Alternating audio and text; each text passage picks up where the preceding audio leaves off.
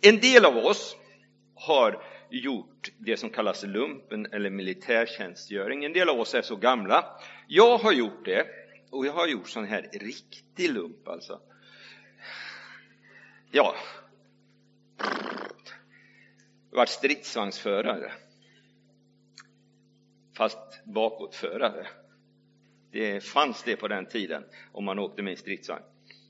Skjutit ett skott och har 100 träffsäkerhet med kanonen. Det är svårt att slå det.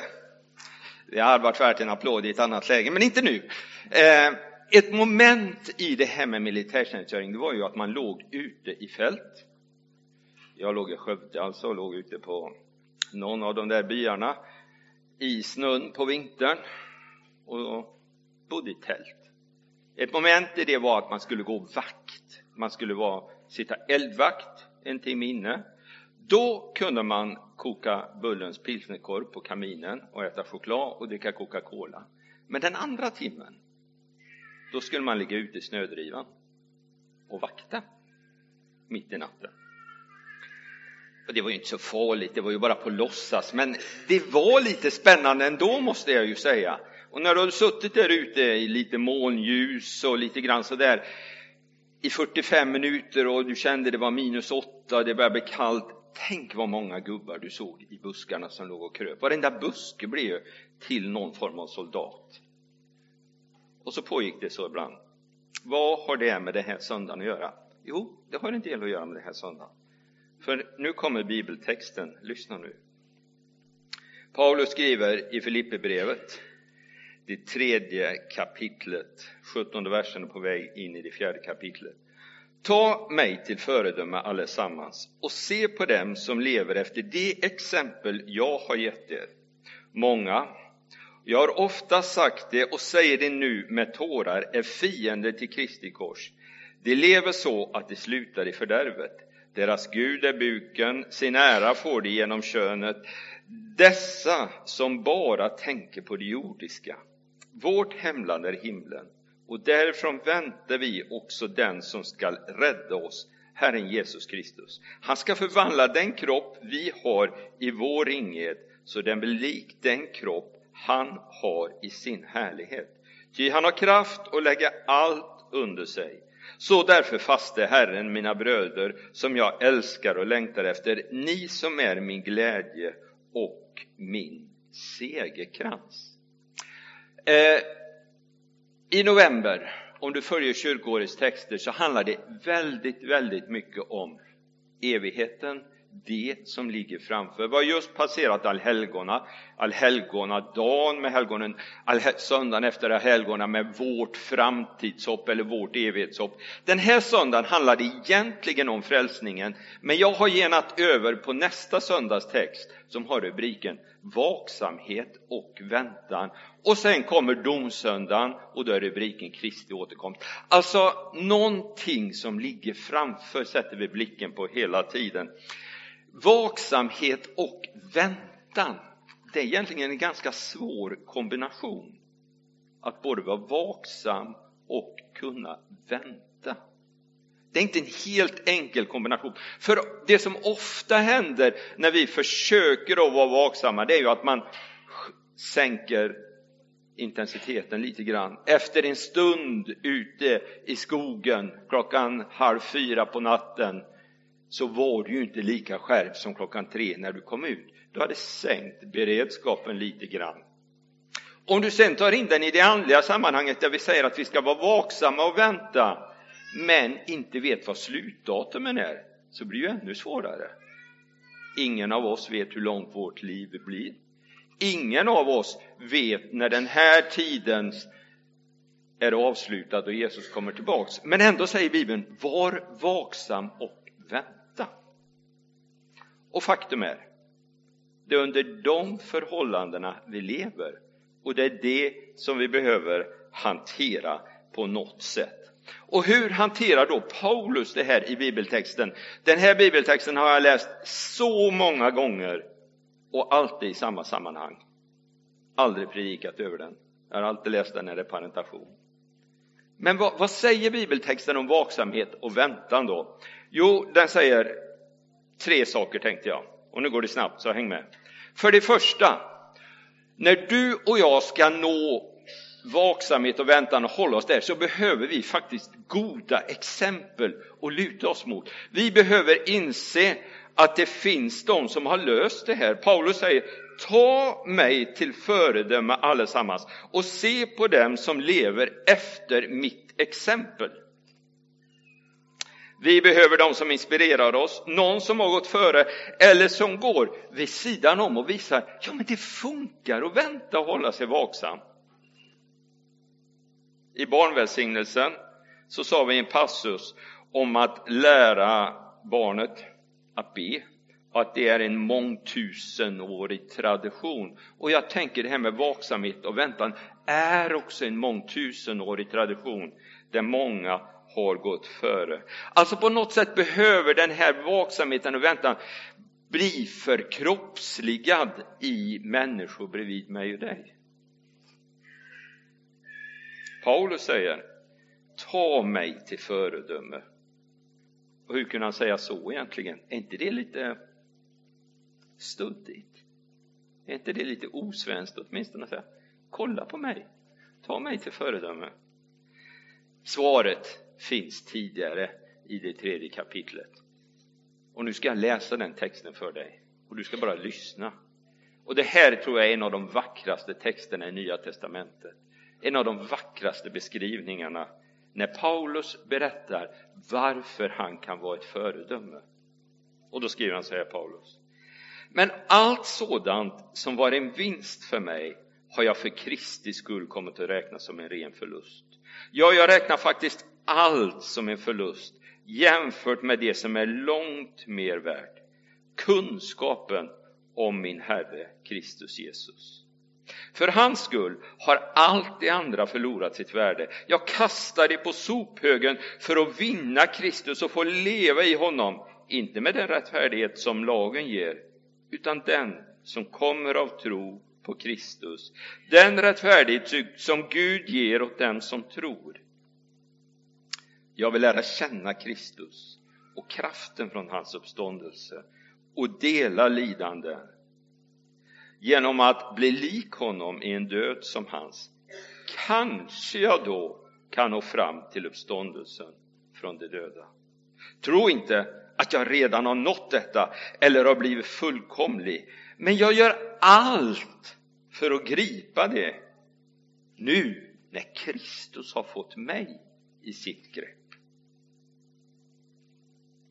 Bröder, jag menar inte att jag har det i min hand, men ett är säkert, jag glömmer det som ligger bakom och jag sträcker mig mot det som ligger framför och jag löper mot målet för att vinna det pris där uppe som Gud har kallat oss till genom Kristus Jesus. Amen. Det var det som gjorde att Paulus kunde säga, ta mig som föredöme. Allt, säger Paulus, som tidigare var en tillgång, det är en ren förlust. Och jag vill lära känna Kristus och kraften från hans uppståndelse.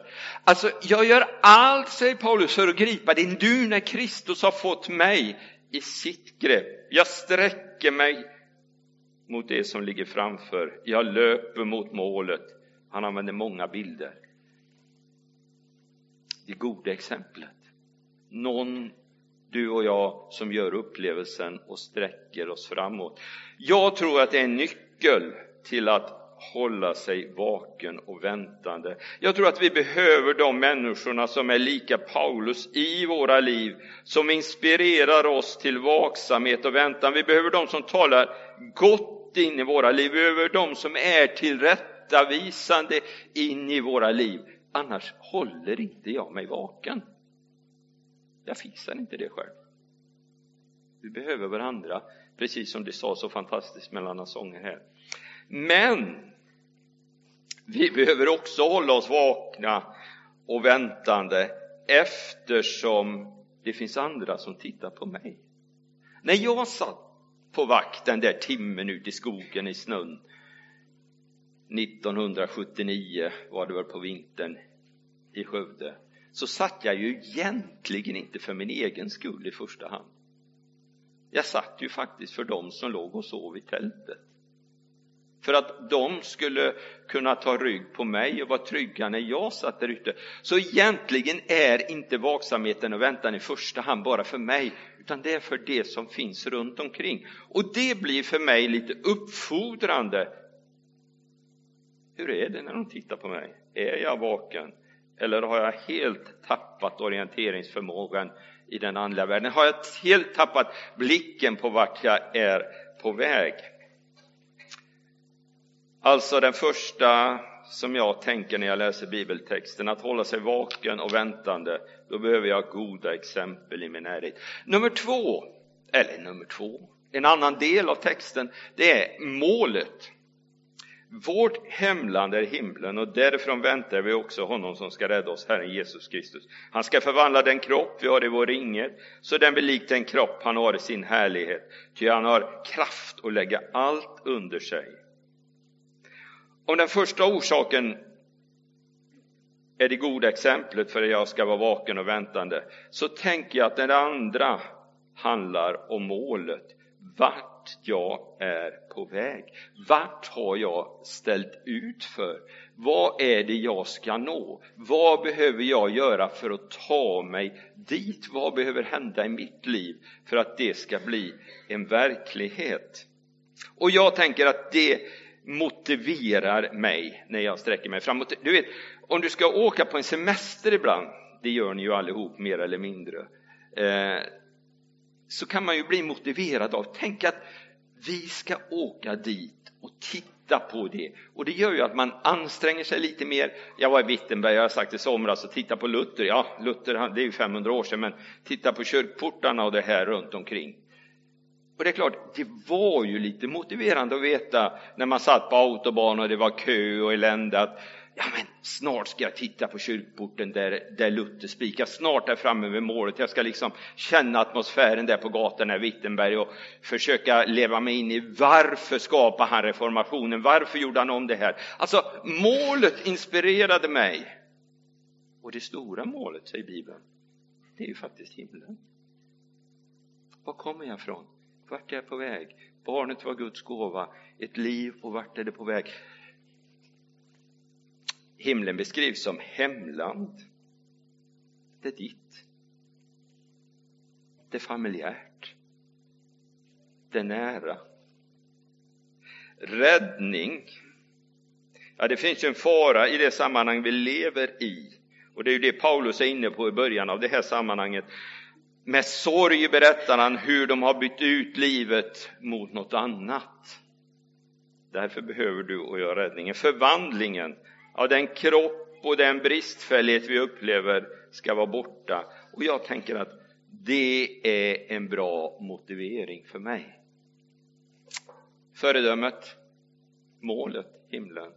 Och så den tredje, och sen ska vi få mer sång. Och då säger Paulus så här, stå fasta i Herren. Och det är den fastheten som på något sätt Paulus beskriver med orden, men jag gör allt för att gripa det nu när Kristus har fått mig i sitt grepp. Och Paulus säger två väldigt, väldigt centrala saker i det här sammanhanget. För det första säger han, det börjar inte med att jag grep Kristus. Det börjar med att Kristus grep mig. Jesus beskrivs som A och O, början och slutet, han är den första och den sista. Däremellan finns du och jag. Han är den som omsluter allting och Bibeln säger alltid att det är Gud först och jag som nummer två. Och detta tycker jag är så otroligt skönt. Tänk att det är inte jag i första hand som ska gripa Kristus. Han har redan gripit mig innan mitt liv var format, innan dagarna var sammanvävda, innan en enda hade blivit till, så var han där och försökte gripa mig och grep mig. Det är inte min prestation, vaksamheten och väntan handlar om egentligen, utan det är egentligen min vila i Kristus Jesus, att han bär mig, att han håller mig. Nu när Kristus har fått mig i sitt grepp. Men samtidigt så säger Paulus, Jag gör allt för att gripa det. Jag gör allt för att gripa det. Men det är nummer två i texten. Vaksamhet och väntan. Du och jag har ett liv på jorden. Vi har ett mål i framtiden. Den här resan kantas av ett antal faror och ett antal sammanhang. Och Bibeln uppmuntrar oss, uppmanar oss och utmanar oss att vara vakna och väntande och vaksamma. Enligt texten, se till att du har ett gott föredöme vid din sida, eller några stycken, som är med och inspirerar, som är med och lyfter, som är med och ger nytt mod. Tappa inte blicken på vart du är på väg. Ha blicken på målet. Det hjälper dig under resan. Sök Kristus. Han har dig i sitt grepp. Du finns inräknad. Men gör vad du kan för att komma nära honom. Om en stund ska vi ha förbön, om en stund ska du få möjlighet att tända ljus, vi ska lyssna till sång. Det är ett ypperligt tillfälle att göra vad du kan för att gripa Kristus. Tack Jesus att du är så nära när vi är samlade kring dig, Herre. Tack att det är två eller tre är tillsammans i ditt namn. Det säger ditt ord att du är, Herre. Tack att vi får känna din närhet men också veta din närhet, Herre.